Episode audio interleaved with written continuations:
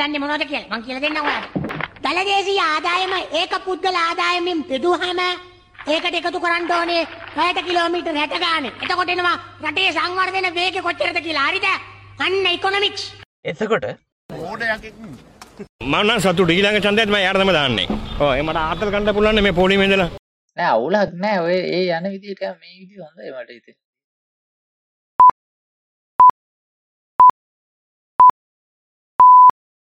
අයිබුවන් අද දෙදස් විසි දෙගේ ජූනි දෙවනිදා රට කරන හැටි පොඩ්කාස්ට් එකේ අනුතුන්වැනි කොටසත් එක එකතුර හැමෝම වෙනද වගේම අදත් ආදන පිළිගන්නවා.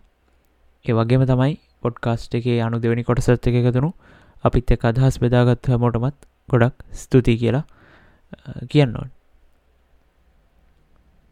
අපි අනු දෙවැනි පොඩ්කාස්ට් එක කරපු දවසිඳලා මේ අද දවස් වෙනකොට රට ඇතුළේ දේශපාලනිකව ගොඩක් දේවල් වෙනස් වෙලා තියෙනවා. එකැන අපිට මාතෘකාවල් හැටියට කතා කරන්න පුළුවන් දෙවල් ගොඩක් රට ඇතුළ සිද්ධුණ නමුත් අද අපි කතා කරන්න හිතුවේ විශේෂෙන්ම මේ රනිල් වික්‍රමසිංහව අලුත් අගමැතිවරයා හැටියට පත් කරලා රට ඉස්සර හට අරගෙන යන්න ජනාධිපතිරාගත්ත තීරණය ගැන. ඉතින් මිනිස්සුන්ගේ අර්ගලය ප්‍රතිඵලයක් විදිහට මිනිස්සු අගමැතිවර ප්‍රතික්ෂේප ජනාධිපතිරා ප්‍රතික්ෂේප කරපු හන්ද ඒක එක බරකරගහන්ඩ මහින්ද රාජපක්ෂ පාර්ලිමේන්තුවේ තුනෙන් දෙක බල ඇත්තියාගෙන අගමැති දූරෙන් අයිංගනවා තකොට ඒ වෙනුවට අගමැතිවර හැටියට පත්වෙලා එන්නේ රනිල්ලි ක්‍රමසිංහ දැන් මෙයා පත්වෙලා එනකොට කට්ටියකට හිතෙන්න්න පටන් අරන් තියෙනවා. සහ කට්ටියක් කියන්න පටන් අරන් තියෙනවා. මේ අර්බුදය විසඳන්ඩ රනිල්ලි ක්‍රමසිංහට පුළුවන් සහ මේ එයා මේ වෙනකොට අර්බුද විසිදන්න පටන් අරන් තියෙනවා කියලා. ඉතිං ඒ හන්ද තමයි අද මෙහෙම මිනිස්සු කොට්ටාශයක් මේ අදහස දරණ හන්ද තමයි අපි හිතුවේ මේ පරල වෙලාන මේ පොහොට්ටුව බේරගණ්ඩ ආපු අලිය ගැන කතා කරන්න ඕන කියලා.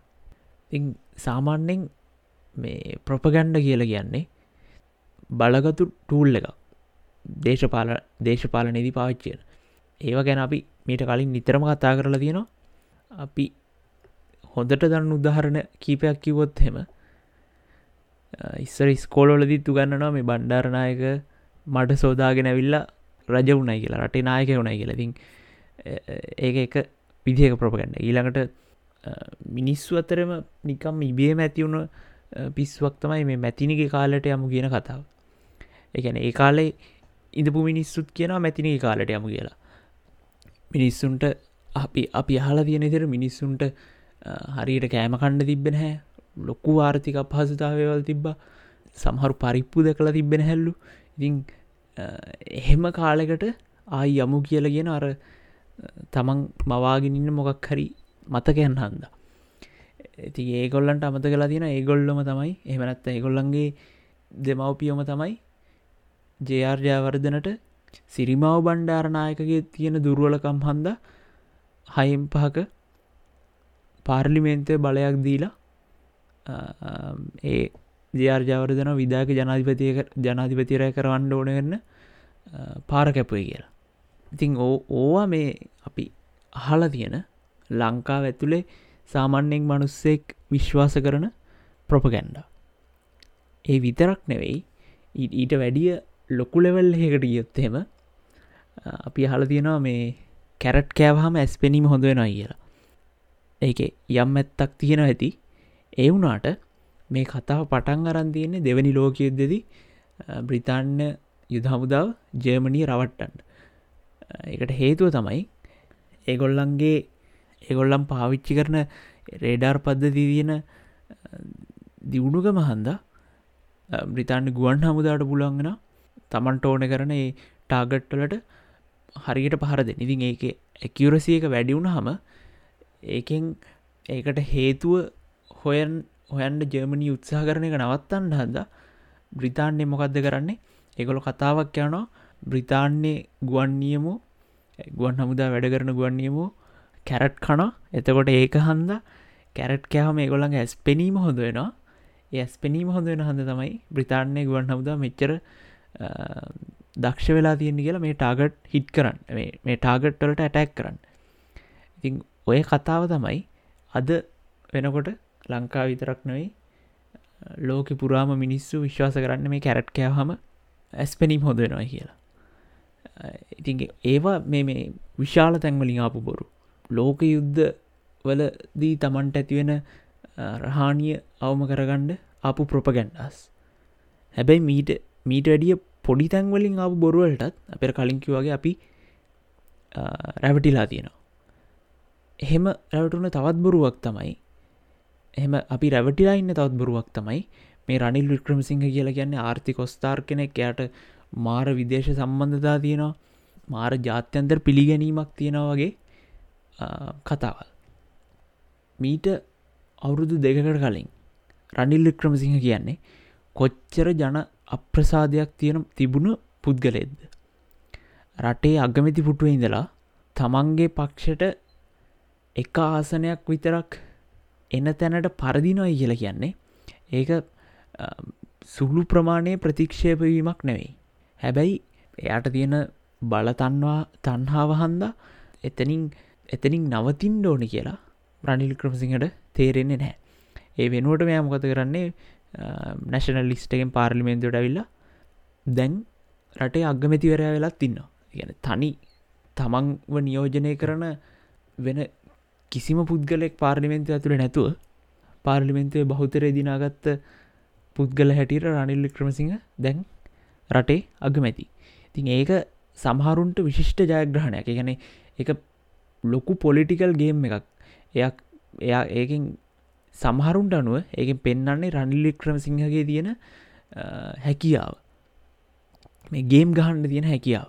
රටේ වැඩිහිටි මිනිස්සුන්ට වැඩිහිරි පරම්පරාවලට එතකොට අ, මාර දර්ශනික් කතා කියන මහින්ද පතිරණලාගේ චින්තන ධර්මදාසල වගේ මිනිස්සුන්ට පවා මෙම ලොකු ගේම් සහ එවනිකං අර අපි පුදුම වෙලා බලන්ඩෝනේ සිද්ධීන්.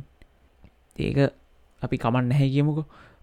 ප්‍රධාන පක්ෂ දෙකට කඩේගිය උගත් මෝඩේ සහ යු- නූගත් මෝඩය මේ දෙකොල්ලම කොහොමුණත් මෙතැදි ගැටලුව තියෙන්නේ අ, රටේ තරුණ පරම්පරාවෙන් කොටසකුත් මේ රනිල්ගේ පත් කිරීමත් එක්ක ආයමත් අපිට විදන් විසඳුමක් ලැබිලා තියෙනවා කියන තැනට ගිහිල්ල තියෙනවා ඉගන්නේ දැන් රනිල් වික්‍රමසිංහ ආවයි කියලා කියන්නේ අපිට තියෙන අ, ආර්ථිකර්බුදය පොඩ්ඩක් හරි සමනය වෙයි කියලා හිතන තැනට රටේ තරුණු පරම්පරාවත් පත්වෙලා දීනවා ඒවා ගැන ලියන්ඩි කියන්න පටන් කරන් තියෙනවා. ඉතින් එහෙම දැකපු එක පෝස්ට එකක් තිබ්බා. ඒක තිබ්බේ මේ අසුවට අසුනාවේ කලබල කාලේ කොළඹ විශ්වවිද්‍යාලෙන් කැම්පස්සගේ ළමයි රෝයල් එකට පයින රෝයල් එකට පැනලා ඉස්කෝලේ ඔය පුසස් පෙර ලියන ළමයින්ව එකතු කරන උද්ඝෝෂණයකට හරි කොල්ලගේ මොක්හරි වැඩකට. ඉතිං ඔහොම උද්ඝෝෂණ කරන අතරේ මේ කතාව ලියනගෙනා කියනවා අනිත් හැම ගුරුවරෙක්ම වගේ තමන්ගේ පන්තිය උගන්න එක පැත්තක දාලා වෙන තැනකට කියලා හැංගිලා හිටිය කියලා. නමුත් ඒ අතරේ ගණන් උගන්නන ගුරුවරෙක් වෙන්න ඕන. එහෙම ගුරුවරෙක් එලිය තියෙන තත්ත්ව ගණන්ගන්න නැතුව තමන්ගේ පන්තිය දිගටම කරගෙන ගියා කියලා කියන එතකොට පස්සේ මේ ගෝෂාව දරාගෙන ඉන්න බැරිම තැන. මේ ගුරුවර එලියට ඇවිල්ල උඹල අරගල කලාට කමන්න පන්තිය කරගන්න දීපන් වගේ අ, කතාවක් කිව ලෝක තමයි මේ පෝස්ට් එකේ තිබ්බ සිද්ධිය. එතෙන්දී අ, මේ ලියපු පුද්ගලය කියනවා රනිල්ටත් දැම් පැවිරිලා තියෙන්නේ සහ එය ඉස්සරහට කරන්න යන්නේ ඒ අ, ගුරුවරයා කරපු වැඩේම තමයි කියලා. ඒගැන්නේ අරගල කරන වැඩකට නැති කියන අදහසෙන් තමයි මේක ලියන්නේ.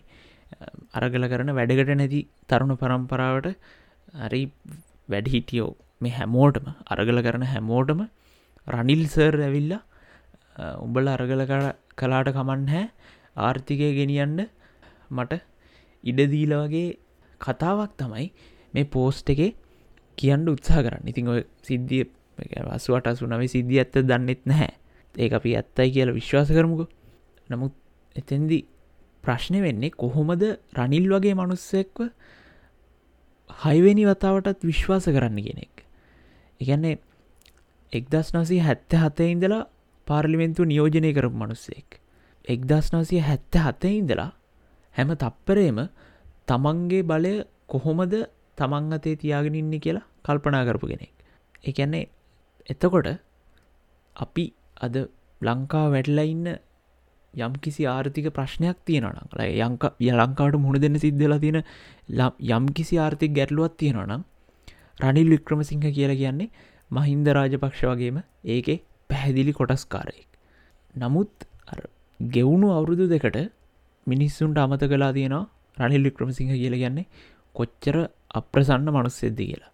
ඉතිං ඒ ඒ අමතකවීම පාවිච්චි කරලා රාජපක්ෂලා දැන් එයාලගේ ගේම් එක හන එකන්නේ මැතිවරණයක් තියන් නැතුවනේ මහින්ද රාජපක්ෂ තමන්ගේ තනතුරින් අයිගුණේ එතකොට මහින්ද රාජපක්ෂටයි බලට එන්න බැරිවුණාට දැන් එයාල සැලසුම් කරන්නේ නාමල් රාජපක්ෂලව සහ එකොල්ලන්ගේ ඊළඟ පරම්පරාව දෙදස් විසිපහයි බලයට ගෙන්නේ කොහොමද කියන කාරණාව.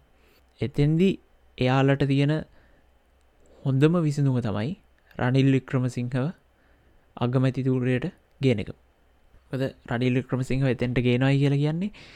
එයා ඒ ඒ තනතුරට එනකොට ඇත් එය තනියම නෙවෙයියෙන්නේ පාර්ලිමෙන්තුවේ තනියෙන් වුණාට. එලිය එයාගේ පරිවර සේනාවක් ඉන්න සාගල රත්නාය කලා වජිරලා එතකොට රවී සේනානාය කළවගේ කට්ටිය. සාගල තමයි මතක විදිහට පහුගේ ආණ්ඩුවේ නීතිය භාරව හිට පැමතිවර බැසිල් රාජපක්ෂවයි ගෝටාබේ රාජපක්ෂයි දෙන්නවම පොලිස් අත්ද ඩංගොඩ අරගෙන ප්‍රශ්න කරන්න හැකියාව තියෙනකොට ඒගොල්ලො ලංකාවට ඇවිල්ල ඉන්න වෙලාවෙදි ඒගොල්ලන්ට කරදරයක් නොවෙන්න වග බලාගත්ත. එතකොට නාමල් රාජපක්ෂ එක්සයිස් කරන්න දින කොට කලිසමයි ෂට් එක යදං FCඩකට ගිහින් තමන්ගේ අයිතිය පෙන්නනකොට නීතිය භාරව හිටියේ මේ සාගලරත්නායක ඊළඟට රනිල්ගේ ඔටුන්න හිමිකුමාරය රුවන් විජයවර්ධන තමයි නියෝජ්‍ය ආරක්ෂ කැමති වෙලා හිටියේ. පහුගියන්ඩුවේ එයා නියෝජ්‍ය ආරක්ෂ කැමති වෙලා ඉන්නකොට තමයි පාස්කු ප්‍රහාරය සිද්ධ වනේ. තකොට ප්‍රෆිස් ගැන අලුතෙන් කියන්න ඕන්නෑ නිතරම කතා කරන අපි මොනම දේශපාලන සාකච්ඡාවක් ඇති වුණත් එතින්දී බැදුම් කර වංචාව ගැන කතා වෙනවා. ඉතින් එතකොට ඇත් වග කියන්න ඕන මේ ආර්ථික මේ ආර්ථිකය වැඩල තියෙන දැනට ඒ විදිහට බැලුවාම රනිල් වික්‍රමසිංහවත් එයාවට ඉන්න කවුරුවත් හොඳ කැරක්ටුවක් තියෙන මිනිස්සු නෙවෙයි. මෙයාල කවුරුවත් ඇවිල්ල තියෙන්නේ තමන්ට මේ රට බේරා ගණ්ඩ තියෙන අවශ්‍යතාවයක් හන්ද හෙම හැඟීමකින් කියලා අපිට හිතන් අපිට හිතන්න හැමොකද එහෙම ඇත්තු උමනාවක් තිබ්බනම් ඒකොල්ලන්ට තමන්ගේ උවමනා පෙන්න්න අවුරුදු පහක් තිබ්බා. ඒ වෙනුවට රනිල්ලා සාගලලා වජිරලා රවීල මේ පාර එලියට ඇවිල්ලා ඒකොල්ල මේ කරන්න දන්නේ ගිය පාර ගෙදරිඳපු UNP චන්දකාරයාව ආය චන්දපොලට ගෙන්න්න ගන්න එක. ඒක තමයි යාලගේ සැලසුම.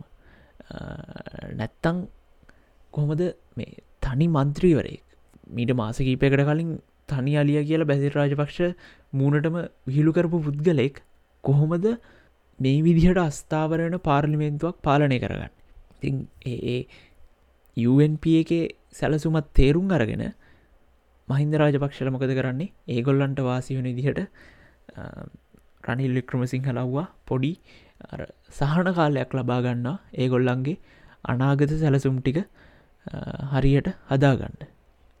ඒක හන්දා කවුරු හරි හිතනනම් මේ පාර රනිල්ට කලින් පාර වගේ සෙල්ලම් බැහැ කියලා පොඩ්ඩක් මතක අරගෙනයන්ට දෙදස් දහනවයට දෙදස් දහනවේ අද ඔය ටොයියෝ හිතනා වගේම තමයි දෙදස් දහනවේ චන්ද වෙලා වෙදිත් බයියෝටික හිතුවේ ඒගොල්ලො කිව්වේ ගෝටාබේ රාජපක්ෂක්ක බේබිලාට බැසිල්ලට මහින්ද රාජපක්ෂලට හැරෙන්න්න බැහැ කියලා. ඒගොල්ල හිතුවේ ගෝටාබේ රාජපක්ෂ කියලා කියන්නේ මහාලොකු පෞරුෂයක් තියෙන නීතියට වැඩ කරන කිව්වොත් කිව්වා වගේ චරිතයක් කියලා. හැබැයි අවුරුදු දෙකක් යන්න කලින් ලෝක නැති චාටර් පාරක් කණ්ඩ සිද්ධ වුණා. එහෙම හිතපු හැට නවලක්ෂයක් වුණ මිනිස්සුන්ට. ඒ චාටර එක වගේම දෙදස් දහනවේ පොදුජන පෙරමුණට ඒ චන්දදීපු මිනිස් වගේම මේ පාරත් රනිල් වික්‍රමසිංහ විශ්වාස කරන මිනිස්සුන්ට හොඳ හෝටලයකින් කණ්ඩ වෙනොයි කියලා හොඳ වැවකින් නාණ්ඩ වෙනොයි කියලා අපිට නං හිතනවා ඉතින් ඒකත් එක්ක අදට අප අපේ පොඩ්කාස්ට් එකේ අනු තුන්ගනි කොට සාසන් කරන නැවතත් පොඩ්කාස්ට් එක අනු හතරනි කොටස හමරක හැමෝටම අයිබුවන්